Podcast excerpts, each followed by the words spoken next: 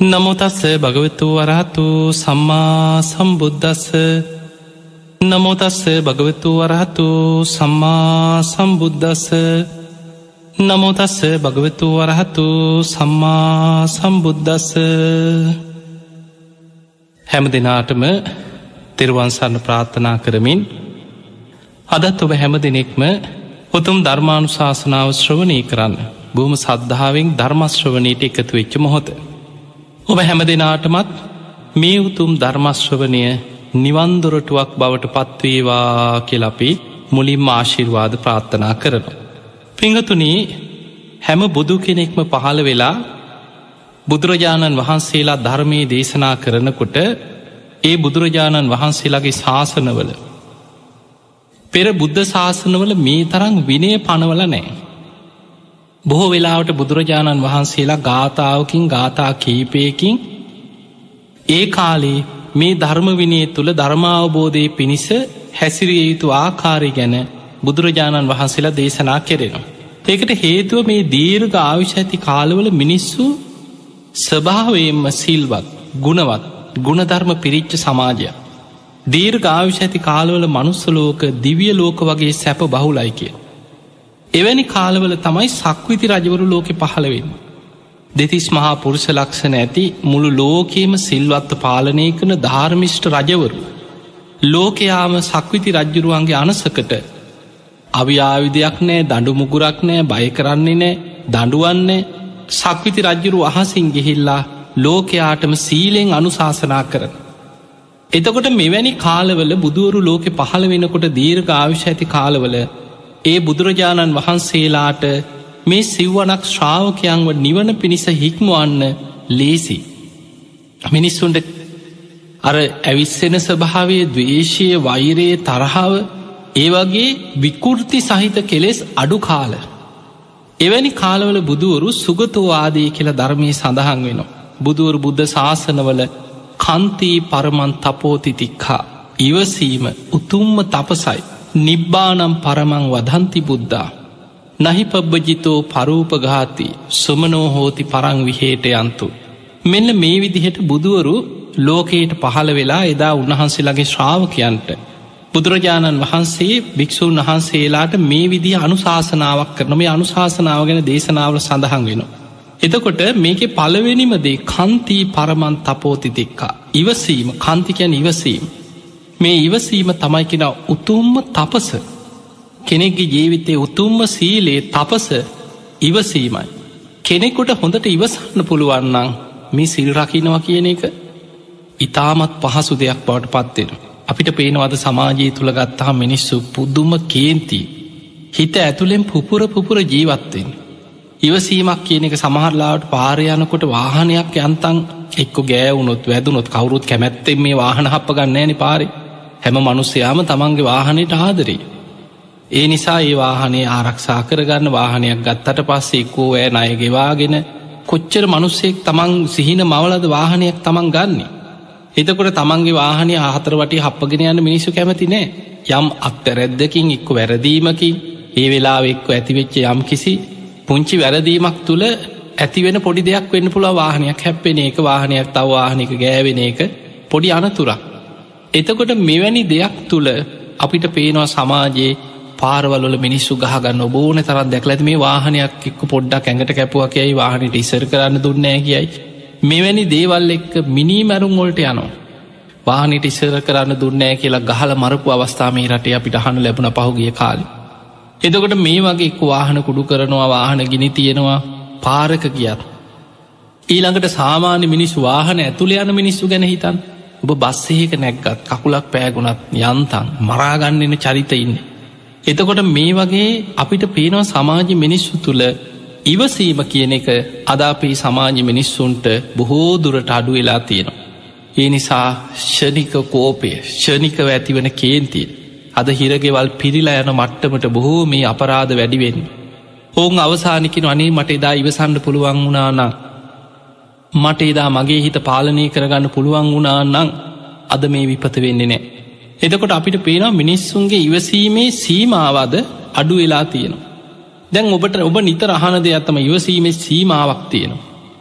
පිංහතුනී බුදුරජාණන් වහන්සේ ඉවසීමේ සීමාව පෙන්නලදීලත්තින කතචූපම කියෙන සූත්‍රය මේක තියෙන මජ්ජිම නිකායි. මේ කතචූපම කියන සූත්‍ර බුදුරජාණන් වහන්සේ පෙන මහනෙන යමෙක් ඔබ අල්ලගෙන ගිහිල්ලා ඔබ දැකල ඇති ඉස්සර මේ ලීරපු හැටි මේ වගේ අන්තර තිබ නෑන. මැසින් කරන්ට එකෙන් ඔහොම ලීරණ මැසින් තිබුණ නෑයිස්සර මීට අවුරුදු ලොකු කාලයක් නෙමේ අවුදු හතලීකට පනාකට හා ගංවල ලීරපු හැටි ඔබ හිතන් අර ලී කොට බොහෝ අමාරුවෙන් දෙබල් වගේ හදාගෙන මේ ලී එකට තියල බැඳල මේ ගස්වල කඳං එක්කෝ ඇත්තු ලව්ව මෙහෙම තමයි මේ වැදගෙනගේ කොහොමහරි උත්සලාර මේ උඩට අරගෙන කෙනෙක් උඩ ඉන්නවා කඳට උඩින් කෙනෙ පල්ලෙහා ඉඳලාර දිග කියත්වලින් දෙපැත්තට අදිනෝ ඔහොම තමයි ලීරු.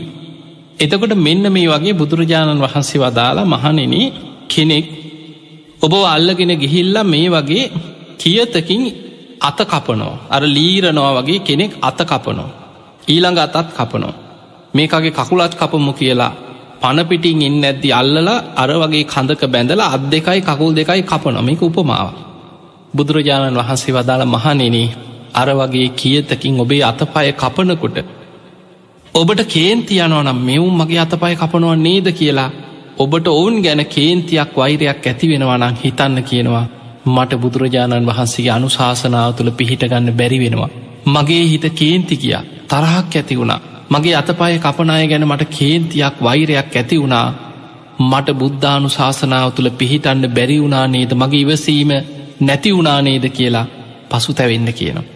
එතකොට බලන්න බුදුරජාණන් එතන මේ සාධහරණ දා සාධහරණද ඉවනමි බුදුරජාණන් වහස පෙන්න්නන්නේ. මේ ලෝකෙ අපිට සාධහරණය අසාධහරණය එක එක එක් කෙනාට සාපේක්ෂ වෙන දෙයක් කෙනෙක් තමන්ට සාධහරණය කියන තව කෙනෙක් කියනනේ මේ අපිට අසාධහරණය කියනවා ඔබ හිතන්න සාධහන අසාධහන පැත්තක බුදුරජාණන් වහන්සේ ඉවසීම ගැන පෙන්නුවේ කවුරු හෝ කෙනෙ ඔබ වල්ලගෙන ගිහිල්ල ඔබේ අත්පය කපනකොට ඒ කපනාය ගැන ඔබට වෛරයක් කේන්තියක් ඇතිවෙනවන් නං ඒ මොහොත හිතන්න කියනවා මට ධර්මය පිහිටන්න බැරි වුණා මගේ ඉවසීම නැති වුණා අනේ මං බුද්ධ ශාසනින් මං බැහැර වුණා නේද කියලා තමන් පසුද එතකොට අපිට පේනවා එහනම් ඉවසීමේ සීමාවක් කියල එකක් අපි පනෝගත්තට සීමාවක් තියෙනවා කියලා ධර්ම එහෙම සීමාවක් පෙන්නන්නේ. ඒ නිසා බුදුරජාණන් වහන්සේ ධර්මය තුළ පෙන්වේ ඉවසීම. ජීවිතේ නැතිවුණත් ඉවසීම නැතිකරගන්න එපාකින එක තය පරමත්ත පාරමිතාව. තමන්ගේ අතපය කැපුවත් ශරීර අවයාවයකට හානි කරත් මමනම් මගේ ඉවසීම නැතිකරගන්නේ නෑ කියලා මෛත්‍රී සිත රැකගන්න පුළුවන්නන් ඒක තමයි කන්ති උපපාරමිතාව. එතකොට අපිට පේනවා මේ ඉවසීම කියන එක පාරමී ධර්මයක් පාරමී උපපාරමී පරමත්ත පාරමී හැටියට තුන් ආකාරයකට සසර පුරුදු කළ යුතු දෙයක් මේක පුරුදු කරන්න තියෙන එකයි පාරමිතා කියන්න. පුරුදු කළ යුතු ගුණ ධර්මයක්. එක පාට ඇතිවි අපි කියනවා ඉවසන්න ඉවසන්න ඔයා ඉවසන් හැබැයි එක එක පාට කරන්න පුළුවන් දෙයක් නෙමේ මේක පුරුදු කරන්න ඕන. පුරුදු කරනකොට පුහුණු එනකොට එක පුරුදු කරන්න නං ඔබ මෛත්‍රිය වඩන්න ඕන බණහන්නට ඕනේ ආදීනව සිහි කරන්නට ඕන. බෝසත් කතා මේ ජාතක කතා මේ ඉතිහාස කතා අපේ බෝසතාණන් වහන් සීවසීම පුරුදු කරපු ආකාරි ගැන සිහි කරලා මමත් කොහොමහරි මේ විදිහට ඉවසීම පුරුදු කරගන්න. අන්න ඒ විදිහට ඔබට පුරුදු වෙන්න පුළුවන්නන් ටික ටික ටික ටික මේ කන්ති ඉවසීම මේ කන්ති ඉවසීම ඔබට පාරමිතාවක් කරගන්න පුළුවන්. ඊළඟට උපපාරමිතාවක් හැටියට පරමත්ත පාරමිතාවක් ජීවිත පරිත්‍යයාගේ තැම් බලන්න බහල ඇති ශාන්තිවාදී තාපසය. අපේ බෝසතාණන් වහන්සේගේ සසර ජීවිතයක්.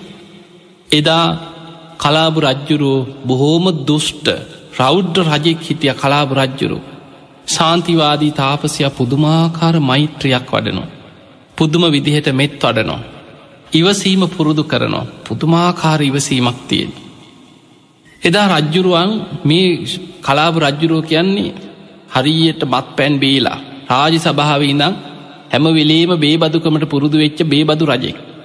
බීලාවට පස්සේ ආයි සිහි කල්පනාව නැවිකෘති වෙලා ගන්න තීරණ එකක්කත් නුවනින් කල්පනා කළ ආදීනව සිහි කරල ගන්න තීරණ නෙමේ. මේ රජ්ජුරුවෝ දවසක් රාජ සභාවට එනකොට පිරිස කතා කර කරඉන්නේ ශාන්තිවාදී තාපසයගේ ඉවසීම ගැන. ඒ වෙලාවෙ කේන්තිකය රජ්ජුරුවන්ට. රජ්ජුරුවන්ට කේන්ති කිහිල්ලා මේකට එක හේතුවක් වුණා දවසක් මේ රජ්ජුරුවෝ රජ්ජුරුවන්ගේ අන්තපුරේ ඉන්න බිසෝවරු ටිකත් එක්ක ගියා උයනට උයනට ගිහිල්ලා ඉතින් අර බිසෝවරුන් එක්ක විනෝද වෙබී උයන ඇවිද ඇවිද ඉඳලා දැන්ව උයන ඇවිදින්නෙත් බීලා. මේ රජ්ජුරුව ගහකට හේත්තු වෙලා වාඩි වුණා. තින් අර දැම් බිසෝවරු ටික අන්තපුරේ කාන්තාව ටික වට වෙලා ඉන්න කට්ටි රජ්ජුරුවන් ගොලු අතගානවා අත පයි පිරිමදිනවා. කෙනෙක්ගේ උකුලේ නිදාගත්තා. එක බිසවකගේ උකුලේ ඔළුව තියාගෙන චුට්ටක් ඇල වුණා. රජ්ජුරුවට වෙරි මතින් එහෙම නින්ද ගිය. දැන් වටේ විහිලු කර කර මල් කඩ කඩ රජ්ජුරුව වටේ අපි ඉන්න අපි ඉන්නවා කියලා පේන්න හිට පනි කන්තප්පුර කාන්තාව ටික ඒ වෙලාවේ බැලුව රජාට නින්ද ගිය. අර බිසවගේ උකුලේ නින්ද ගිහිල්ලා අපි පාඩුව අපි චුට්ටක් එහට මෙහට ඇවිදිමු කියලා යනකොට අනේ අර උයනේ ගහක් යට ශාන්තිවාදී තාපසයා බොහෝම ඉර්දි බල සම්පන්න එදා අපේ බෝසතාණන් වහන්සේ මේ උයනේ විවේකෙන් භාවනා කරනවා. ඒ වෙලාවය යන අන්තප්පුරේ බිසෝවරු ටික ගිහිල්ල මේ තාපසයලඟ ඉදිරියෙන් ගිහිල වැඳලා තනේ තාපසයන් වහන්ස කියලා ඉතින් වැඳලා ඉස්සරහහි වාඩි වුණ. මේ තාපසයන් වහන්සේ අනුශාසනාවක් කරා මෛත්‍රයේ ගනි අපිට ඔබතුමා වඩන ගුණධර්ම ගැන කියල දෙන්න කියව. ඒ වෙලාවෙ දැන් මේ තාපසය බණ කියනවා. අනුශාසනාවක් කරනවා. ඒ වෙලාවෙ අර රජ්ජුරුවන් ඔක්කුලේ තියාගෙන හිටපු බිරිඳට කේන්ති කියා. මම තමයි මේ ඔක්කොටෝම මම යහෝනේ මගේ උකුලෙ නිදි ආං අර කට්ටිය ගිහිල බණහන්. ඒ වෙලා මොකද කරේ කේන්තියට තමන්ගේ උකුල ගස්සල රජ්ජුරුවන් ඇහැරරු. හජ්ජුර එක පාට බයිවෙලා වගේ හැරල බැලෝ මොකද මේ බලන්නකොට එක පාට තේරන මේ උයන ඉන්නේ. ආවේ උයනට අර කාන්තාව කෝ කට්ටිය කියලෙහු. කිව රජතුමනී රජතුමා ගැන හැඟීමක් නෑකීවා. රජ්ජුරුවල් පොඩ්ඩක් නින්ද යනකං ඉඳලා ආංගියා යන්න කිව. කියලා රජ්ජුරුවන්ග කේන් රජ්ජුරුක කොහෙතදගේ ආං අර උයන කෙලවර අර තාපසයක උකුළු මුකුළු කර කර ඉන්නවා කිව ගිහිල්. රජ්ජුරුවන්ග කේන්ති ගැස්සුව. එදා කේන්තියන්ගේ රජ්ජුරුවෝ මෙන්න මේ කේන්තිය වෛරයේ තුළ තමයි එදා සාන්තිවාදී තාපසිය වැදගෙනාව. ඇදගෙන ඇවිල්ලා රාජ බටයන්ට කිව්වා ඇත්තදුඹට ඉවසීමක් තියෙනවා කියන්න. අනේ රජතුමනි මං ඉවසීම පුරුදු කරනවා. මංම ධර්මය වඩන කෙනෙක් මං කාටවත් හිංසා කරන කෙනෙක් නෙමෙයි මං සියලු සත්වයන්ට මෛත්‍රී වඩනවා. ඉවසීම පුරුදු කරනවා. ඒ වෙලාවේ රජ්ජුරුව කේන්ති ගිහිල්ලා රාජ බටයන්ට කිව්වා කස පහර ගහන්න කියෝ කස පහර දාහක් ගහන්න කියෝ. දැන් හිතන්න කසින් දාහක් ගහනවා කියන්නේ ආහිතින් කොඳු ගැලවිලා කොන්දේ තියෙන හම ගැලවෙනවා. ඒ තරම් මුළු කොන්ද එක දෙක වදිනකොට පුදුමාකාර වේදනාවක් කසින් කස පහර දාහක් ගැහො නොමර මැරුව කසින් ගහලා ගහල ගහල. පුදුමාකාර වේදනාව මුළු කොන්ද පුරාම ලේවලින් තෙත්තුුණා. හැබැයි ඒ කස පහර වදින වදින හැම පාරකම ශාන්තිවාදී තාපසය මෛත්‍රී වඩනවා. අනේ මේ කසින් පහරගහනයි සූපත්තේවා. මේ රජ්ජුරුව සූපත්තේවා.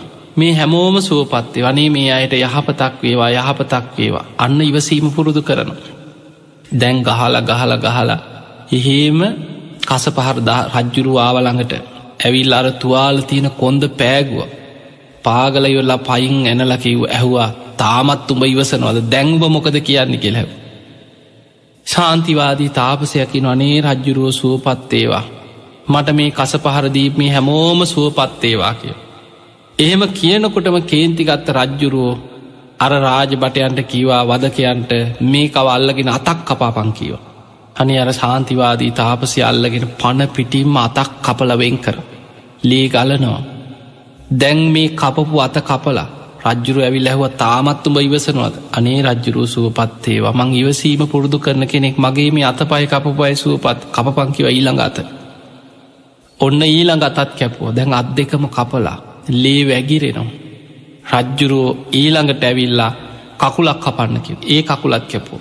අනිත් කකුලත් කැප දැන් අත් දෙකත් කපල කකුල් දෙකත් කපල ලේ වැගිරිලා ලේ ගොඩේ පනාදිනවා.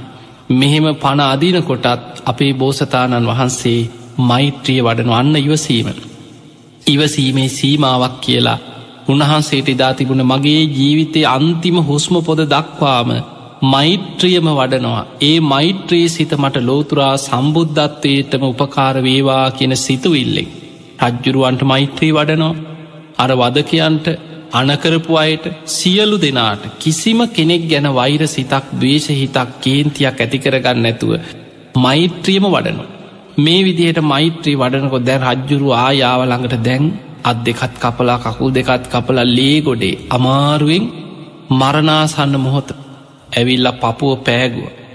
පාගල ඉවර läහුවත් තාමත් ෝ ඉවසනවාද? කියලෙව කේන්තියෙන් ඉන්න රජ්ජුරු. ඊට පස්සේ ශාන්තිවාදී තාපසයක නේ රජතුමා හමාරුවෙන්ක සුවපත්තේවා සුවපත්තේවා මේ හැමෝම සුවපත්තේවා ඒ වෙලා උලක් කරගෙන එන්න පපුුවට පපුුව හිල්ලෙලා යන එහෙම අන්තිමට පණයන වෙලාවෙත් අන්තිම මොහොතෙත් රජ්ජුරුව සුවපත්තේ මේ හැමෝම සුවපත්තේවා සූපත්තේවා මේ ඉවසීම මට ලෝතුරා සම්බුද්ධත්තයට උපකාර වේවා කියන අදහසින් පණගිය. එතකොට අපිට පේනු අතපාය කපලා මැරුවත්. උලකින් පපුුවට ඇනල කසපහර දීල කොච්චර වද දුන්නත්. ඒ ඉවසීම පැනගත්තනේ මගේ සීමාව පැන්න කියලා කේන්තිගත්තනේ ඒ මරණ මංචකයේ දක්වාම ඉවසීම පුරුදු කරගත්ත මහා පුදුම දෙයක්. එදකොට අපිට පේනවා පෙංහතුනි ජීවිතයේ ඉවසීම කියන එක. බුදුරජාණන් වහන්සේගේ ධර්මය පෙන්වේ ඉවසන කෙනා. ඉවසීම පුරුදු කරගත්ත කෙනා තමයි උතුම්ම තපස ඒක තමයි බුද්ධ ශාසනය උතුම්ම තපස කන්තිී පරමන් තපෝතිතික්කා. ඊළඟට පිංහතුනි බුදුරජාණන් වහන්සේ භික්‍ෂූන් වහන්සේලාට පෙන්නනවා මේ ඉවසීම පුරුදු කළ යුතු කාරණ සමහරලාට ඔබට හිතරම බනින එක විතරයි අප ඉවසන්න පුළු ඕන කියලා.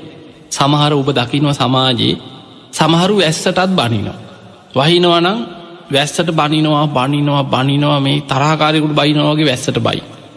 දවස් දෙක තුනක් පායලා වතුර අඩු වෙච්ච ගමන් ඔන්න ඒකටත් බනිනවා. ඊළඟට යනකොට ගලක් කකුලෙ වදිනවා. ගලටත් පයින් ගහලා කේන්තියෙන් බනිනවා එක ගලත් උසල පොලේ ගහම්.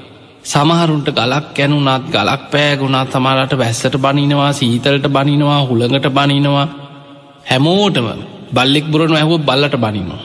සතර තේරෙන එකක්. එදකොට මේ වගේ සමහරුන්ට මේ කේන්තිය වෛරය තරහාව කේන්තිය අර ඉවසීම නැතිවුණාට පස්සේ අමුතුවෙන් අරමුණක් ඕන්නෑ හිත් ඇති හිත් නැති ස්වභාව ධර්මයට හැම්ම දේකටම කේන්තියෙන් එන්නේ. එතකොට අපිට පේනවා මේ මනුස්සෙක්ව කේන්ති ගස්සනවා ඉවසීම නැති කරනවා කියන එක. ඉවසීමක් නැති කෙනාට අය අමුතු හේතු අවශ්‍යතාවයක් නෑ එනිසා පින්වතනි බුදුරජාණන් වහන්සේ පෙනවා සීතස්ස පටිගහතායි මහනෙන සීතල ඉවසන්න කිය. උන්හස්ස පටිගහතායි උණුසුම ඉවසන්න කියන. ඊළඟට ඩන්ස මකස වාතා තප සිරින් සප සම්පස්සානම් පටිගහතායි මැසි මදුරු පීඩා. සරපයන්ගෙන් වන වුවදුරු. මේ වගේ දේවල් ඉවසන්න පුරුදු වෙන්න කියනවා. ඊළඟට බඩකින්න ඉවසන්න පිපාසේ ඉවසන්න පුරුදු වෙන්න. දැන් සමහරලාවට වෙලාවටම කෑම ටික පොඩ්ඩක් පරක්වුණොත් කේන්තියන අය නැද්ද කෑම පිගානම් පොලේ ගහල බනින්. ඒ බඩකිනි එන්නකොට මේ ඇවිල්ල මේසේ වාඩි වෙනකොටම හිත්තන්න විදිහටම කෑම ටික තියෙන්නවා. සමහරුන්ට තමන් ආසා කරන විදිහට කෑමනෑ බත් එකට සමන්ට මෑන්ජනයට ලුණු දාලනෑ එක්කෝ හරියට ලුණු ටික වැටලනෑ කෑම පිගානම් පොලේ ගහන ඉන්නවා ලුණු ටික නෑ කිය. මේක උයන්නානේ කොච්චර මහන්සි වුනාද බඩු ගෙනහල්ලා කොච්චර වෙහෙසිලා? මේ පොඩි වැරැද්දක් නේද? අනේ පවුනේද එහෙම කෙනෙකුට ඉවසීමක් කරුණාවක් ඒ ගැන හිතලා ඒ ඒ කිසි දෙයක් නැතුව පුංචි දෙයක් ඇති කෙනෙකුට පුදුමාකාර කේන්තියක් වෛරයක් ඇතිවෙන. එතකොට අපිට පේනවා සමහල්ලාවට වතුර විදුරුව පරක් වුණා කියයි. විපාසෙට එක්කෝ කෑම පිගාන පරක් වුණා කෑම් රහන් නැති වුණා තමන්ට හිතේ හැටියට කන්න ඒක නැති වුණාය වෙලා එතකොට මේ මේ වගේ හේතු මත සමහරු පුදුමාකාර කේන්ති ගන්න එතකට බුදුරජාණන් වහස පෙන්න්නන්නේ කුසගින්න ඉන්න දැන් බුද්ධ ශාසනය තුළ බුදුරජාණන් වහන්සේ මුල් කාලි පැවිදි වෙන්න එන භික්‍ෂූන් වහන්සේලාට ගොඩක් රජ පවුල්වලින් ආව. මහා මාලිගාවල සැපවිඳපු අය රාජ භෝජන වලඳපු අය සියල් අතහැල්ල පැවිදි වෙන්නේ නවා නිවන් දකිින්. ඊළඟට සිටු මැදුරුවල මහා දනවත්තු බොහෝ සැප සම්පත් ඇති කෝටි ප්‍රකෝටි ගනන් රන් කහවනු ධනය පිරිවරාගෙන සැපසේ හිටපුයි ඒ සියල් අතහැල්ල නිවන් දකින්නේ නවා. බුදුරජාණන් වහන්සේ අයගෙන් පැවිදිවෙන්න එනකොට අහනව මහනෙන මේ මේක දුස් කරයි ලේසි නෑ. සමහර වෙලාවට ගහක් යට ඉන්න වෙන්න පුළුවන්. එලි මහන කුටියක් කම්බෙන්න්නත් පුළුවන්. කුටියක් කොහරි වඩිනකොට කුටියක් සෙනසුනක් ලැබුණොත් හොඳයි. සමහරලාවට එලිය ගහක් යට ගලක්කුඩ මහපාරක කොහේ හරි අම්බලමක කොහේ හරි ජීවිතේ දුකසේ ඉන්න වෙන්න පුළුව සීතලය උණුසුමේ කැමති දහන. අනේ ස්වාමීණි අපි කැමති අපි උතුම් අරමුණක් උදෙසා ඒ දුක විදින්න කැමති. ඊළඟට බුදුරජාණන් වහන්සේහනුව සමහරලාවට ඉතින් පින්ඩ පාත යනකොට රාජභෝජන ප්‍රනීත ආහාර ලැබෙන්න්න පුළුව සමහරලාට පිළුණු වෙච්ච දෙයක් ලැබෙන්නේ දාට අපිරියාවෙන් හරි වලදන්න වෙනවා. සමහරලාට පින්ඩ පාති වඩිනවා හරියට දානයක් නෑ ලැබෙන්නෑ කොහෙන්වත් පින්ඩ පාතිය. එතකොට ලැබෙන්න්නක් පුළුවන් නොලැබෙන්න්නක් පුළුවන් හිත හදාගන්න ඒ සම සිතින් ඒක විඳගන්න පුළුවන්ද කියලාහනවා. ස්වාමීනි භාග්‍යතුන් වහස පුළුවන් අපි උතුම් අරමුණක් උදෙසා අපි කුසගින්න වනත් දරාගන්න අපි පුරුදු වෙනවා. එතකොට ඊළඟට අහනවා සිවුරු පිරිකර ති වටිනා සිවුරු පිරිකර රජවරු සිටුවරු ඒ කාල රෙදිහිං අයිති වටිනා සිවුරු පිරිකර ලැබෙන්න්න පුළුව. සමල්ලාවට හරියට සිවුරක් නෑ ගේන්ති හිල් හරියන්නේ තමන් පැවිදි වෙන්න උතුම් මරමුණක් තුළ. එතකොට හිතන්න කියනවා හොයි මිනි ඔත්තල දාලා තියෙන විසි කලපු රෙදි කෑල්. තැ සමහර නිකං උබ හිතන්න ගෙවල්වල සමහරුන්ට කොච්චර රෙදි තිබුණත් හිතේ සතුටක් තියෙනවාද කියලා. මුළු රෙදි කඩේම ඇදල ඇදල ඇදල ඇදල ඇදල සමහරලාවට ඒත් හරියන්න අපිට ගැලපෙනවා මේ වැනෑ කියෙන්. කේන් මේ මේ වන්දින්න පුළුවන්ද කියලාහන්න. එතකොට ඒ වගේ සමහරලාට මේ අතන්ටත් ඇන්ද ඉදාරහිටත් ඇන්ද මේක මදින්න පුළුවන්ද කියලා එතකොට මේ වගේ සමහරුන්ට කොච්ච රැඳුම් පැළඳුම් තිබුණත් ඉවස ඒක තෘප්තියක් නෑ සතුටක් නෑ බුදුරජාණන් වහන්සේ හනු සමහරලාවට විසි කල දාලා තියෙන් රෙදි කෑලි අහුලගෙන ඇවිල්ල සිවරක් හදාගන්න වෙන්න පුළුවන්. මිනි ඔතල දාලා තියෙන පනුව ගහලා මිනි ඔත්තපු ඉතින් මේ මලමිනියක් ඔතනවා ගැන මොන තරං දුර්ගන්ධයක් තියෙන කුණු එච්ච ඕජාව ගෑවිච්ච රෙද්දක්නේ පාන්සකූල ඒ වගේ දෙයක් ගෙනල්ල හෝදලාර පනුව ටික හරි අයින් කල් ඇඟිල්ලේ හෝදල පණ්ඩු ගහල සුද්ධ කරලා පොරෝගන්න වෙන්න පුළුවන් කැමතිද මේ භික්‍ෂූන් වහන්සේලා අනේ ස්වාමීනී අපි කැමති අපිට තියෙන උතු මරමුණක් නිවන් දකිින් අරමුණ. ඒ නිසා ලැබිච්ච සිවුරකින් සතුටු වෙන්න. අපිට ලැබිච්ච පින්ඩ පාතකින් එක ප්‍රනීත වනත් ගොරෝසුනත් ලැබුණත් නොලැබුණත් අපි සතුටු වෙන. අපිට හොඳ කුටියක් සෙනසුනක් ලැබුණත් හො නැත්නම් කහක් යට හරිකමක්න අපි හිත හදාගන්න.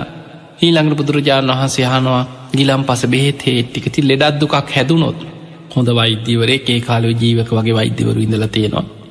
බෙහෙත් හේත් ටික ලැබුණොත් හොඳ ඉතින්. සමහරලාවට බෙහෙතක් කියල නෑ කැලේක ඉන්නේ. හරියට වෛද්‍යවරයෙක් නෑ බෙහෙතක් නෑ සමහල්ලාවට ලෙඩෙම්ම ඉඳලා ඉඳලා ඉතින් එක්ක හොඳ වෙනවා. එක්ක විඳවන්න නැත්තු ඒ කාලෙ තිබිල තියෙනවා පූති මුත්ත බේසජ්ජ කියලා. අර කෝකටත් අයිලෙ වගේ හැම ලෙඩකටම තිබුණේ. අරලු ගවමුත්‍රවල දාලා පල් කරලා හදන බෙහෙතක්. එතකොට මේ ගැන විනේ තියෙන මේ බේත හදාගන්න හැටි. අරලු ගවමුට්‍රවල දාලා පල් කරලා හදන බෙහෙතක් හැටියට පූතිමුත්ත බේ සජ්‍ය කියල තමයි මේ බෙහෙත හදුන්නන් ඒ කාලේ. මේක නිකං කෝකටත් අයිලෙ වගේ එකක්. ඕනම ලෙඩකට ඉතින් ඕක තමයිඉතින් එක හොඳ වුණ හොඳ වුණා. ඉතින් බුදුරජාණන් වහන්සේ හනුව ඇති ලෙඩත් දුකක් හැදුනහම බෙහිතක් හේතක් ලැබෙන්න්නක් පුළුවන් නොලැබෙන්න්නක් පුළුවන්. ඉතින් හනේ ස්වාමිනි අපි ඕන දේකට ඉවසීමෙන් ඒවා දරාගන්න කැමතිය කිය එතකොට අපිට පේනවා මේ පැවිදි ජීවිතය තුළ බුදුරජාණන් වහන්සේ ශ්‍රාවකයන්ට පෙන්නුවේ මහා සැපසේ යන ගම ඕනම සැප සම්පත් ලැබෙන්න්නත් පුළුවන්. ලැබෙන අයත් ඒක තමන්ගේ පින නොලැබෙන අයත් ඉන්න හැබැයි ඒ දෙකේම මධ්‍යස්ථ හිතක් ඇති කරගන්නවා. ලැබෙන කෙනාට ඉරිසියා කරන්න හරි නොලැබෙනකොට තමන් තමන්ට බැනගෙන මොකක්දෑ මේ අපේ කරුමේ කියලා තමන්ට සාප කරගෙන මේවා මෙහෙම ඉන්න පුළුවන්ද මේවා කන්න පුළුවන්ද මේවාදින්න පුළුවන්ද එතකොට ඒ වගේ කේන්තියක් වෛරයක් දවේශයක් ඇති කරගන්න නැතුව ඉවසීම පුරුදු කරන්න.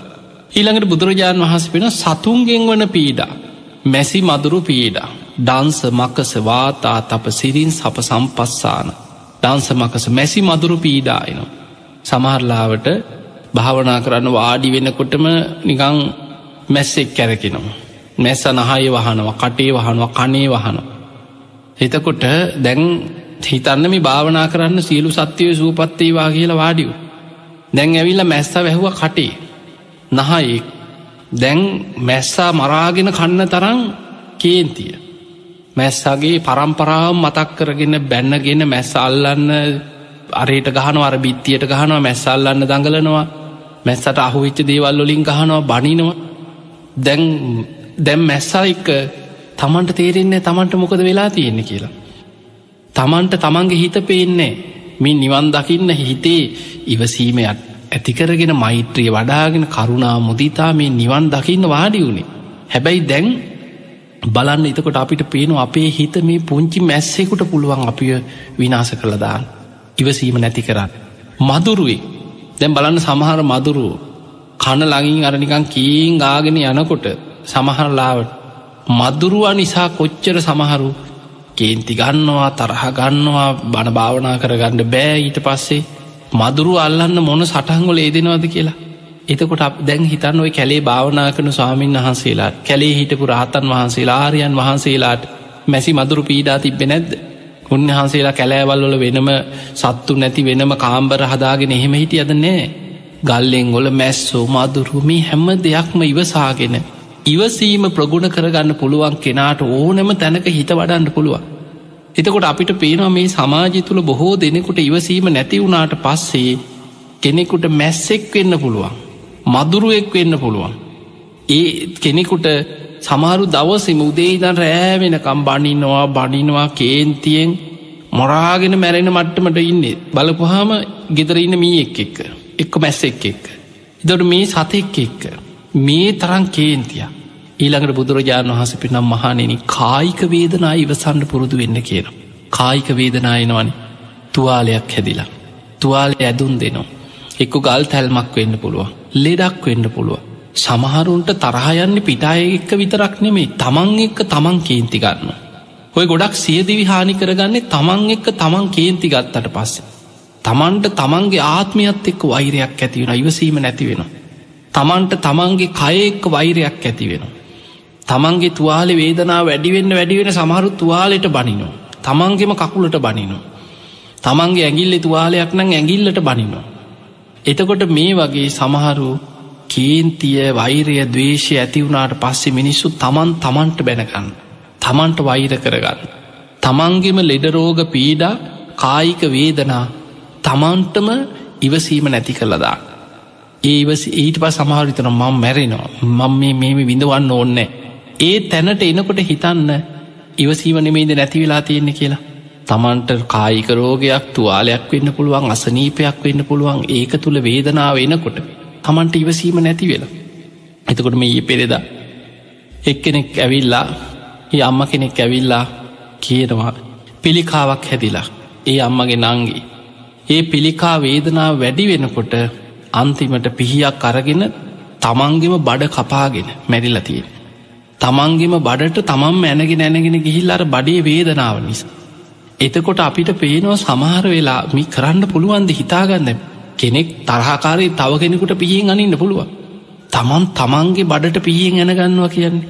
එතකොට හිතන්න කෙනෙක් තමන්ට එන වේදනාව තමන්ගේ කායික වේදනාව තමන්ටම ඉවසීම නැති වෙලා තමන් තමන්ගෙන් පලිගන්න මට්ටමට මිනිස්සු පත්වෙනවා. ඉවසීම නැතිවීම. ඊළඟට බුදුරජාණන් වහන්සේ පෙන්වා මහනෙනේ කායික වේදනා. ඊළඟට බාහිරිංගෙන මානසික පීඩා අටලෝ දහම ඉදිරී. ඒවා ඉවසන්න පුරුදු වෙන්න ඕන. මිනිස්සු ගුණ කියනකොට ඉවසන්න පුළුවන්නම් බනිනකොටත් ඉතින් ඉවසන්න පුළුවන් වෙන්න ඕන. ලාබේනකොට ඒවා විදගන්න ආසනං අලාබේනකොට ඒක ඉවසන්න පුරුවන් වෙන්න ඕන. ඊළඟට ප්‍රසංසාාවට කැමති නන් නින්දාව ඉවසන්න පුරුවන් වෙන්න ඕට. ඔය අටලෝ දහම ඉදිරියේ ලා බලාබ සැප දුක යසායිස නින්දා ප්‍රසංසා මේ අටලෝ දහමත් එක්ක ඉවසීම නැත්නම් අටලෝ දහමට මුණ දෙන්න බෑ. තැන් ඔබට පේනව ඇති එහෙමනම් අපිට මේ ධර්මය දියුණු කරගන්න බැරි මේ හැම්ම දේකම නැති වෙලා තියෙනෙ අපිට ඉවසීම. ඉවසීම නැති තැන සියලු ගුණධර්ම වැනසිලා තියෙනවා. ඒකයි බුදුරජාණන් වහස පෙන්වේ කන්තිී පරමන් තපෝතිතික්කා. ඉවසීමමයි උතුම්ම තපස වෙන්නේ. උතුම්ම සීලේ මේ සියලු ගුණධර්ම රැකෙන එකම තැන ඉවසීම තුළ සියලු දේවල් රැකගණ්ඩ පුළුවන්. ඒ නිසා මිනිස්සු ජීවිතේ අසවලා මට මෙහෙම කියන අරය මෙහෙම කියන අක්කොච්චිමං අවදිමං අජිනිමං අහාසිමේ මුම් මගේ දේ පැහැරගත්ත මට මෙහෙම කිව්ව මාව පරාජය කරා මාව ලැජ්ජා කරා මට මෙහෙම කිව්වා. තැන් ඕවා හිත හිතා බාහිරින් එන ප්‍රශ්න නිසා ඉවසීම නැති කරගන්න. එතකොට අපිට පෙනවා කෙනෙක් කොච්චරනං මේ ඊවසීම නැතිවෙන කාරණා යෙදෙනවදනේ බාහිර පරිසර සාධක වෙන්න පුළුවන් සීතල උණුසුම සතුන්ගෙන් වෙන පීඩා බඩකින්න පිපාසය. අඩුගානේ තමන්ට තමන්ගෙම රෝග පීඩා තමන්ගේ කායික වේදන තමන්ට ඇතිවෙන අපහසුතා. එතකොට මේවා තුළ තැම් බලන්න සමහරු. බේට්ටික දැන් තමන්ට ලෙඩ හැදෙනවා මිනිස්සු. බෙහෙත් බොනු ඇති වෛද්‍යවරු කියනවා බෙහෙත් බොන්න. මෙන්න මේක ලෙඩේට බේතක් තියෙනවා. ඒකන ධර්මීත් තියෙන ගිලම් පස. ගිලන් කියන ලේඩ පස කියන බෙහෙත්. අපි ගිලම් පස කියලා හිතන්න මේ හවසට මේ හදාගෙන බොන බීම වර්ගටික විතරණ ධර්මය ගිලම් පසගෙන ගිලන් කියන ලෙඩ. පස කියන බෙහෙත්. එතකොට ලෙඩට ගන්න බෙහෙත් තියෙන බුදුරජාණන් වහසේ අනුමත කරන දැ වර්තමානය සමහරු බේත් පෙතිටික අතේ තියන බනිනෝ කරුමේ මේ බොන බේත් මේ මගේ කරුමේ. පෙති දහයක් බොන පෙති පහක් බොන මැරිලවත් යන්න ෑන කියක බෙහෙතට බැනල තමයි දැන් සුවපත්වෙන්න බෙහෙත බොන්නේ. බෙහෙත් පෙතිටිකට බනිනවා. එතකොට අපිට පේනවා මිනිස්සු මොන තරන් තමන් ඉවසීම නැතිවුණට පස්සයා අමුතු හේතු ඕන්නෑ කෙනෙකුට කේන්තිගන්න තරහයන් ඒ නිසා අපිට සමාජය තුළ පේනවා මේ ඉවසීම නැති සමාජයේ හිනාවනත් ඇඟට එන මිනිස්සු ඉන්නේ. කෙනෙ කනේ මනුස්සකමට අයියේ අක්කි කියලා හිනාවෙනවා ප්‍රවාගෙන ඇයි මොකදම්ඹ කියලා හිනාවනත් ඇඟට එන සමාජයක් අද තියෙන්නේ? එතකොට අපිට පේනවා මිනිස්සුන්ට ඉවසීමක් නැති තැන. සමාජි ප්‍රශ්නමය උද්ගෝසන රන්ඩු ගහමරාගන්නේවා දේපොල විනාස කරනේවා වාහනයක් හැප්පුනත් වාහනෙත් එක්ක තමයි වෛරෙක්කු ගෙන ගිනි තියන්නේ අර වාහනේ. එක්වරට අහකින් ඩ්‍රයිවර්ට ගහනවා. පිටි පස්සෙගේ මිනිස්සු මොවා කරන්නද? බස්සගේ මිනිසුන්ටක් ගහනවා. එතකොට අපිට පේනවා මිනිස්සුන්ට ඉවසීම නැති වෙනකොට නුවන නැති වෙනවා. කල්පනාව නැතිවෙනවා තමන් කරන දේ හොඳ නරක ආදීනව ඒ සියල්ල පේනෙ නැතිවෙන. ඒ නිසා පිංහතුනේ ඉවසීම බුදුරජාණන් වහස පෙන බොහෝ කෙලෙස් ප්‍රහාණය කරගන්න තියෙන කෙලෙස් ප්‍රහාණ මාර්ගයක් ඉවසීම. ඔබහල ඇති මජ්ජිම නිකාය තින සබ්භාසව සූත්‍රය. ආශ්‍රව මේ කෙලෙස් ප්‍රහාණය කරන ක්‍රම හතක් පෙන්න්නනවා නිවන් දකින්නන. ඒ ක්‍රම හතෙන් භාවනාව කියන එකක් විතරයි. ඒ අතර ඉවසීමෙන් ප්‍රහාණය කළ යුතු ආශ්‍රව තියෙනවා. කන්ති ඉවසීමෙන් ප්‍රහාණය කළ යුතු බොහෝ කෙලෙස් තියෙනවා. එනි සාපිට පේනවා කෙලෙස් ප්‍රහාණය කරන එක මාර්ගයක් තමයි ඉවසී. බුදුරජාණන් වහන්සේ පෙන්න්නනවා වේදනානු පසව බහල ඇති සතර සතිපට්ඨානය. වේදනානු පස්සනා සතිපට්ඨානය. මේ කායික වේදනා ඉවසන්න. ඒක භාවනාවක් වසයෙන් වැඩෙන්න්න වැඩෙන්න ඉවසීම ප්‍රගුණවෙන්. දැන් ඔබ හිතන්න මේ බුද්ධ ශාසනය තුළ ගින්නෙන් පිච්චිලා මැරිච්චාය අනාගාමි පලට පත්වෙලා තියෙන. සාමාවතී ඇතුළු පන්සියක් ගින්නෙන් පිච්චිලා මැරුණ දැ සාමාවතී කතාවම මේකට ගලපල හිතන්න ඉවසීම කොච්චරාපි ප්‍රගුණ කරන්න ඕොද කියලා. සාමාවතී ස්භාවික ගින්නකට හසුනානං අනේ මේ ගිනි ගත්තා කියලා හිතාගෙන දැන් අපි නිකං හිතන විදිහර ස්භාවික ගින්නකට නම් ඒත් හිත හදාගන්න පුළුවන් කියලා හිතා. මේක ස්භාවික ගින්නක් නෙමේ. මාගන්දයා වෛර බැඳගෙන ගිනි තිබ්බා. එදා උදේනි රජ්ජුරුව මාලිකාවෙන් වෙනත් ප්‍රදේශයකට යුද්ධයක් සංසිඳවන්න යනකං ඉඳලා වෙලාව බලබල මාගන්දයා වෛර බැඳ මේ වෛර බැන්දෙත් වැරැද්දකට නෙමෙනි සාමාවති ඇතුළු පිරිස අනේ බුදුන් සරණ ගිහිල්ල බුදුන් අදිනවා බණහනවා භාවනා කරන පින් කරනවා. බුදුරජාණන් වහන්සේ ගැන මහා ගෞරවය මාගන්දයා බුදුරජාණන් වහන්සේට වෛර කරපු කෙනා. බුදුරජාණන් වහන්සේගෙන් පලිගන්න කේන්තියෙන් හිටපු මාගන්දයාට බුදුන් සරණ ගියායත් වෛරක්කාරය හැටියට තමයි දැක්. ඒ නිසා අර සාමාවති ඇතුළු පන්සීයක් හිටිය ගොඩනැගිල්ල. කනුවල රෙදි පාංකඩ ඔත්තල දැන් හිතන්න දැම්මේ සාමාවති ඇතුළු පිරිස අර ගොඩනැගිල් ඇතුළේ දාලා හිරකරත් දොරවල්ලින් පැනගන්න බැරි ජැනෙල්ලොලින් පහලට පනින්ට බැරිවෙන ඔක්කොම වැැහු අගුළු දාලා හිර කරලා ඒවා වැැහුව. වහලා කනුවල රෙදි පාංකඩ එතුවා ඔත්තලක් ගිනිගන්න තෙල් දාලා ගොඩනැගිල්ලටම ගිනි තිබ්බා.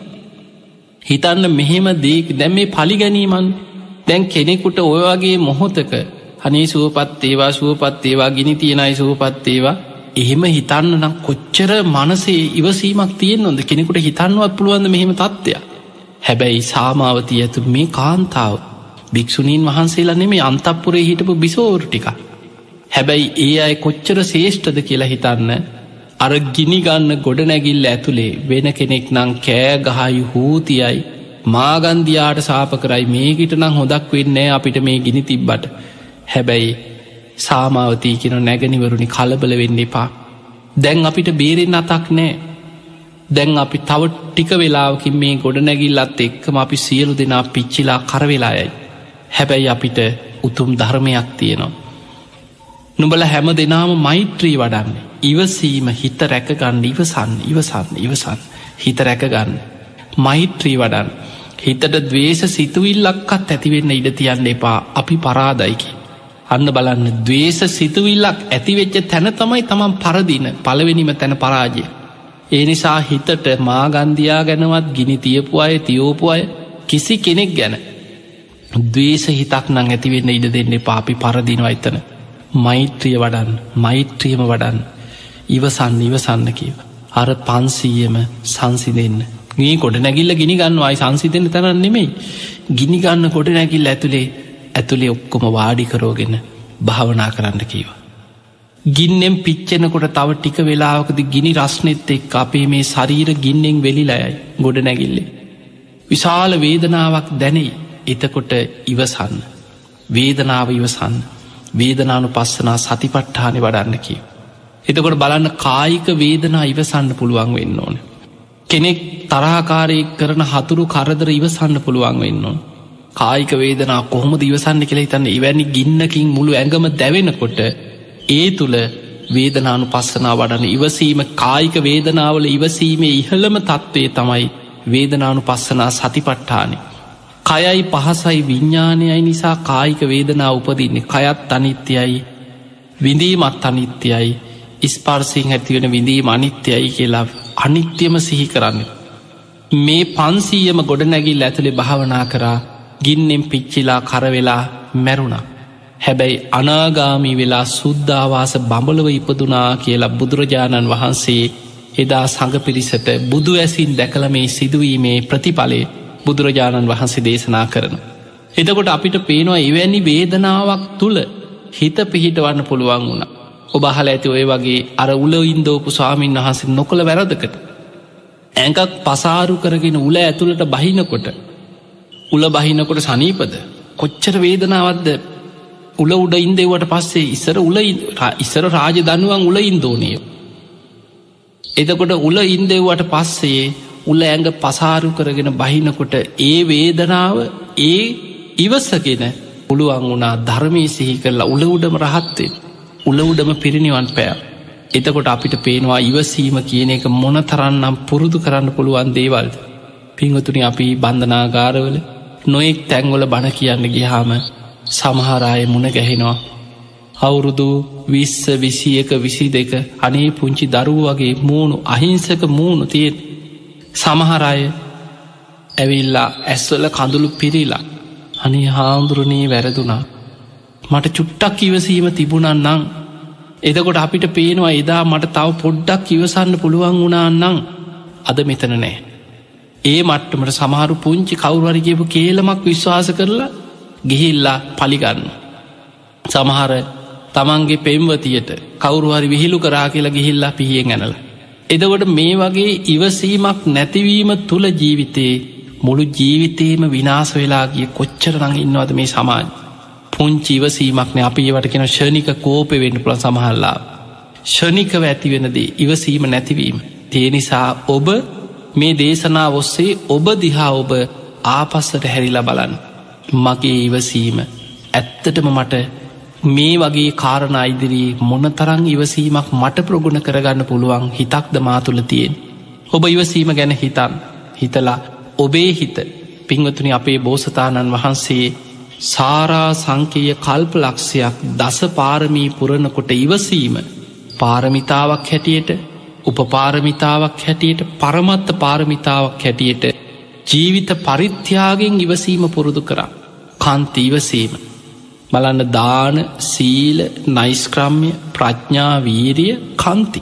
සච්චාධිට්ඨාන මෛත්‍රී උපෙක්කා කෙනවා. එතකොට පාරමී ධර්ම දස පාරමිතාතර හයවෙනි එක කන්ති පාරමිතාව. ඉවසීම. ඒ නිසා ඉවසීම උන්හසේ බුදුවේ චාත්මි විතරක් නෙමේ සසර පුරාවට ඉවසීම පුරුදු කරලා පුරුදු කරලා ඒක බලවත් කරගත්. ඉවසීම ප්‍රගුණ කරගෙන ඉස්සරහට යන කෙනාට හොඳ ඉවසීමක් එක සංසාරය හැදෙනවා සසර පුරුදු හැටියට හැදෙනවා. දැන් ඔබ බලන්න මේ සමාජි සමහර පුද්ගලයෝ ඉන්නවා උපතිම්ම කේන්ති යන ස්වභාවි වැඩිය. සමහර පුද්ගලයෝ ඉන්නවා මොනවා කිව්වත් හිනා වෙලා නේමී යාකර ගඩ දෙයාගෙනයයි. මං මොකට දව්වා ගණන් ගඩනි මං ගණන් ගන්නෑ කියලා ඒ බොරුවට මේ හදවතින්ම ඒක හිනාවුනා එතනින් ඉවරයි. සමහරුන්ට බලය තියෙනවා. බලය දැන් කෙනෙක් හිතන්න පුළන් ඒ නෝන්ජල්කමට කියලා සමහරු හෙමත් කෙන ඉවසීම නෝන්ජල්කමක් හැටියට හිතන සමාජයක් තියෙන. සමහර පුද්ගලයෝ ඉන්නවා බලය තියෙනවා. ධනය තියෙනවා. සමහලාට එක දුරකතන පණවිඩෙන් කතා කරලා පලිගන්න පුළුවන් හැකියාව සියල්ල තියෙන. ඒ මොනවා තිබුණත් ඉවසනවා. අනේයාගේ නොදන්නකමනි ඒ පුද්ගලයාගේ අසරණකමනි අනේ මංමොකරද පව්පුරෝ ගන්න එයා කරගන්නදේ යාගෙනයයි ඒ විදිහට හිතල බලය තිබිල හැකියාව තිබිලා ඉවසීම ප්‍රගුණ කරනයින්න පිංහතුනී සක්‍ර දෙවියම්. ඔබ අහල ඇති සුරාසුරමි අසුරය අතර තිබුණ නිතර නිතර කෝල හල යුද්ධ පවා ඇති වුණා. දවසක් මේ වේපචිත්ත කියන අසුරේන්ද්‍රයා සක්‍ර දෙවියන් ඉදිරියට ඇවිල්ලා බනිනවා බනිනවා සක්‍ර දෙවියන්ට බනිනවා බොහෝම පහත් විදියට නින්දා කරන. නෙමේ සක්‍රපුරේදී. දැන් සක්‍ර දෙවියන්ට පුළුවන් වේපචිත්ති අසුරේන්ද්‍රයට දනුවන් කරන්න බැඳලා හිර කරලා පලිගන්න පුළුවන්. සක්‍ර දෙවියෝ ගණන් ගන්න ඇතුව හිනාවීගෙන ඉන්න. බොහොම මෛත්‍රී වඩන. එතකොට අනික් දේවතාවරු කියනවා සක් දෙවිඳුන්නේ. මේ ඔබේ සක්‍රපුරයට ඇවිල්ලා මේ වේපචිත්ති කියන මේ අසුරේන්ද්‍රය ඔබට මෙහෙම බනිනවා නින්දා කරනවා ඔබ පහත් කරනවා ඇයි ඔබ මේකට මොකුත් කරන්න ඇත්තේ. එතකොට සක්‍ර දෙවියන් කියනවා බලය ඇති තැන පලිගන්න නැතුව ඉවසන්න පුළුවන්නම් ඒක තමයි කෙනවා ශේෂ්ඨම ඉවසීම. දැ සමහරු ඉවසන්නේ සමහර වෙලාවට ඉවසුව වගේ පෙන්න්නන්නේ හිතේ වෛර තියාගෙන පස්සේ දෙන්නම් වැඩේ කියලා ඉන්නවන්. ඒ වෙලාවෙ කරගන්න දෙයක් නෑ. ආර කපණ්ඩ බැරි අත ඉඹිනවා වගේ සමහරු ඒ වෙලාවේ අනේ සමාවෙන් අනේ සමාවෙන් ම වැරැද්ද පිළිගන්නවා මං වැරැද්ද පිළිගන්නවා මට වැරදුනා අනේ සමාවෙන්න කියලා හිත ඇතුළෙ තියාගන්න දෙන්නම් වැඩේ පස්සේ දෙන්නම් මං කොහොමරිමුගෙන් පලිගන්න. එත ඒක ඉවසීමක් නෙමෙයි. එතකොට අපිට පේනවා කෙනෙක් සමහර වෙලාවට බලය තිබිල හැකියාව තිබිලා එවැනි තැනක ඉවසනවනම් ඒක තමයි කෙනවා ශේෂ්ඨම ඉවසීම. එතකොට පිංහතුනී අපිට පේනවා ඉවසීම කියන එක අපි කොච්චර ප්‍රගුණ කළ යුතු දෙයක් මේක හිතට එකඟව කළ යුතු දෙයක්. ලෝකෙට පේන නෙමේ සමාජයට පේන නෙමේ මොකද සමාජයට පේන්න කපටිකමට හිනා වෙලා පස්සේ යටින් පලිගන්න මිනිස්සු ඉන්න. ලෝකයා ඉදිරි අතට අත දෙනවා. ලෝකයා ඉදිරි එකට වැළඳ ගන්න. හැබැයි යටින් සැලසුම් හතන දැ බානොයි දේශපාලකව. මිනිස්සු ඉදිරියේ හිනාවෙනවා එකතු වෙනවා සාකච්ඡා කරනවා. බෝම හොඳට අපි සමගි වුණා කියලා පෙන්න්නනවා. අපි එකතු වෙලා මේ රට වෙනුවෙන් ලෝකයා වෙන මේ හැමෝම වෙනුවෙන් අප එකට වැඩ කරන්න කියලා පෙන්න්න. හැබැයි ඇත්තටම හදවතින් හිත ඇතුළේ කොච්චර කුහකකං යටි උගුල් අදිනේවා පලිගන්න සැලසුම් කරනයවා බිමදාන්න සැලසුම් කරනයවා මඩ ප්‍රචාර් මඩ ගහගන්නේවා හැබැයි ඒ සියල්ල මැද්ද එකතු වනාට පස්සේ සමහරු උත්සවල හිනාවීගෙන ඒ තරම් යාළුවෙක් නෑ වගේ තමයි පෙනෙන්නේ සමාජ. එතකොට අපිට පෙනවා මිනිස්සු උඩින් එකක් යටින් එකක් එක ඒක චරිත රඟපාන මිනිස්සු ඉන්න. එවැනි සමාජයක ඔබ මේ සියල්ලු දෙනා ගැන හදවතිීම ලෝකයා දිහා බලලා ඔබ ඔබට අවංකවෙන්. ඉවසීම අවංකව මෛත්‍රී සහගතව අවංක ඉවසීමක් පුරුදු කරගන්න. හැබැයි ඒ ඉවසීම පුරුදු කරගන්න නං ඔබට ධර්මය තුළ දියුණුවක් අවශ්‍ය වෙන නැත්නම් මේක කරන්න පුළුවන් දෙයක් නෙමේ. ධර්මය තුළ දියුන් දැන් අපි මිනිශ්ව එකතු කලකිනවා ඉවසන්න ඉවසන්න ඉවසන්න ඔයා ඉවසන්න. කොහොම දිවසන්නේ ඒකට අවශ්‍ය දැනුමක් තියෙන්න්න ඕන. ඒ ඒ කෙනාගේ බුද්ධි වර්ධනයක් තියෙන්න්න ඕන. ප්‍රඥාව නුවන වර්ධනය වෙන්න ඕන. ඒ වර්ධනය වෙන්නේ දැනුමේ දහම් දැනුමේ. ඒක තමයි සම්පජාන. මේ මේ කියන ගුණධර්ම වඩන්න නම් කරුණු තුනක් තියෙන්න ඕන. ආතාපි කෙලෙස් තවන වීරිය. සම්පජාන නුවන සතිමහස්සිහි ඔන්න ඔය කරුණු තුන තියෙනවනම් ඉවසීම ප්‍රගුණ කරන්න පුළුවන්. ආතාපි ගැන කෙලෙස් තවන වීරිය. අකුසල් මතුවෙනකොට උපන්නාව අකුසල් යටපත් කරගන්න වීරිය තියෙන්න ඕනේ. නෝපන් අකුසල් නෝපදවන්න වීරිය තියෙන්නවා. උපන් කුසල් දියුණු කරන්න නෝපන් කුසල් උපදවන්න වීරියතේ තොට ඉවසීම නැතිවෙන ලකුණු එනකොට වීරියෙන් තමයි පාලනය කරන්න. අකුසල්ලෝට මතුවෙන්න ඉඩ නොදී වීරියම තමයි ඉවසීම ප්‍රගුණ කරන්න. ඊළඟ දේ තමයි ඒ ඉවසීම ඇතිකරගන්නත් ඉවසීම පවත්වන්නත් ආයි මතු නොවෙන්න. සම්පජාන නුවන නුවනින් තමයි යා ගලපන්නේ මේක කුසල්ද අකුසල්ද. මං මේ මොහොතේ ඉවසීම නැතිකරගත්තොත් මේක හානියක් නේද මට හානියක් සමාජයට හානියක් මේක ධර්මයට බුදු හාන්දුර දේශනා කරපු ධර්මය තුළ අනේ උන්වහන්සේ කොච්චර අපිට ඉවසීම ප්‍රගුණ කරාද. එතකොට මේ විදිහට ජාතක කතාවල කතාවෙන්න පුළුවන්. ශාන්තිවාදී තාපසයගේ කතාව මේ අහපු කතාවබට මතක් කෙන්න්න නම් බනහල තියෙන්නිපේ කේන්ති යන වෙලාට මතක් කෙනවා එදා අපේ බෝසතාණන් වහන්සේ ශාන්තිවාදී තාපසය මොන තරං ඉවසීමක් ප්‍රකුණ කරා ඇයිමං කේන්ති ගන්න? මමන්ම නේද වැඩසෙන්නේ මේ මොහොතේ මං කලබල වෙලා මොකක් හරි දෙයක් කරොත් මේකෙන් මං විනාස වෙනවා නේද? ඒක හිතන්න නුවනක් තියෙන්නවා අන්නේ නුවන තමයි සම්පජානයේ නුවන ඇතිවෙන්න නම් බණහන් කල්්‍යයාන මිත්‍ර ඇසුරු කරන්න. කල්්‍යයාන මිත්‍ර ආශ්‍රයෙන් තමයි සද්ධර්මශ්‍රවනය ලැබෙන් හොඳ කලන මිතුරු ආශ්‍රය. ඒ කියන්න රෞස්සන පුද්ගලයෝනේ මේ සමාජ ඉන්නවනේ. කල්්‍යයාන මිත්‍රය විදිහට ඉන්න පාප මිත්‍රය. ඒක අඳුනගන්න බුද්ධිය තියෙන්න්න ඕන. ළඟ ඉන්න කේන්ති ගස්සන අයන. ළඟ ඉන්න කේන්තියට පෝරදානායන තමන් කරන වැරැද්ද සාධහරණය කරණය කරන තමන් අනුතුරේ දානායනම් කල්්‍යයාන මිත්‍රය වගේ කරටුඩින් අතදාගෙන ඉන්නේ ඒ පාප මිත්‍රය. අඳුනගන්න පුළුවන් ධර්මී තුළින් අඳුනගන්න ඔබ කල්්‍යයානමිට ඇසුර කියන්නේ ඔබව සංසිදවන ධර්මයට ඔබ අරගෙන යන ඉවසීම ගැන කියල දෙන ඉවසීමට ප්‍රසංසා කරන අන්න කල්්‍යයානමිට ඇසුර තුළ සද්ධර්මශ්‍රවනය ලැබෙන. ඒ සද්ධර්මයෙන් කුසල් ලකුසල් පිම්පව් හොඳනරක ආදීනව මේ සියල් අහන්න ලැබෙනකොට දහම් දැනුමෙන් ඔබ පෝෂණය වෙනකොට ඔබ ධර්මී පරිනත කෙනෙ හොඳ ඉවසීමක් තියෙන කෙනෙ. ඊළඟට සතිමා හොඳ සිහියක් පවත්වන්න පුරුදුවෙන්. හොඳ සිහියක් පවත්ව ගන්න හිත සතිපට හිත රැකගන්න සිහිය නැති වුණොත් තමයි සැනින් නොමගයන්. ඒ නිසා සිහිය පවත්ව මෙන්න මේ කරුණු තුන වීරිය නුවන සිහිය කියන කරුණු තුන තියෙනවනං කන්ති පාරමිතාව පාරමිතාවක් හැටියට පුරුදු කරන්න. ඉවසීම ප්‍රගුණ කරගන්න පුළුව. ඊළඟට තමන්ගේ අතපාය කැපුවත් ශරීරවයාවයකට හානියක් කරත් මම ඉවසීම නැති කරගන්නේ නෑ කියන මට්ටමෙන් ඉවසීම ප්‍රගුණ කරන්න නම් ඒකට අපි කියන උප පාරමිතා. ඊළඟට තමන්ගේ ජීවිතය නැතිකරත් මාව මැරුවත් මාව මරලා දැම්මත් මගේ ජීවිතේම නැතිකරත් මමනං අන්තිම මොහොත දක්වා ඉවසීමනන් නැතිකරගන්නේ නෑ කියන මට්ටමෙන් ඉවසීම ප්‍රගුණ කරන්න පුළුවන්නම් ඒකට කියනවා පරමත්ත පාරමිතා. ඔබ ඔබේ ඉවසීම පාරමිතාවක් හැටියට උප පාරමිතාවක් හැටියට පරමත්ත පාරමිතාවක් හැටියට සංසාරි ගුණ ධර්මයක් හැටියට වඩන්න සසර පුරුදු කරගන්න. තිං අපි ඔබ හැම දෙනාටම ආශිර්වාද කරනවා. මේ ඉවසීම සසර පුරුද්දක් හැටියට පුරුදු කරගෙන. ඔබේ හිතේ ඇතිවන දවේශය වෛරය ෂණික කෝපිය කේන්ති ඔබෝ වනසන ඔබෝ විනාස කරන. බුදුරජාණන් වහන්සේ පෙන්වේ යකඩේ කහටගන්න මලකඩ යකඩි විනාස කරන වගේ තමන්ගෙම හිතේ ඇතිවන කේන්තිය වෛරය ඉවසීමක් නැතිකම තමන් විනාස කරල දානු. ඒ නිසා පිංහතු නිවසන්. ඉවසීම ප්‍රගුණ කරගන්න ඒ පිණිස බණහන්න සද්ධාව දියුණු කරගන්න. කල්්‍යයානමිට ආශ්‍රයේ සද්ධර්මශ්‍රවනයේ මයි ඔබට ඉවසීම ඇති කරගන්න උපකාර කරන්න. තිහෙම නං ඔබ හැම දෙනාටම ඉවසීම නැමති උතුම් පාරමී ධර්මය දියුණු කරගෙන උතුම් ධර්මීම අවබෝධ කරගන්නම වාසනාව ලැබේවා ලැබේවා ලැබේවා කියලපි ඔබට හදවති මාශිර්වාද ප්‍රාර්ථනා කරනවා තිං අද මේ උතුම් ධර්මශ්‍රවනයෙන් රැස් කරගත්ත සියලු පින.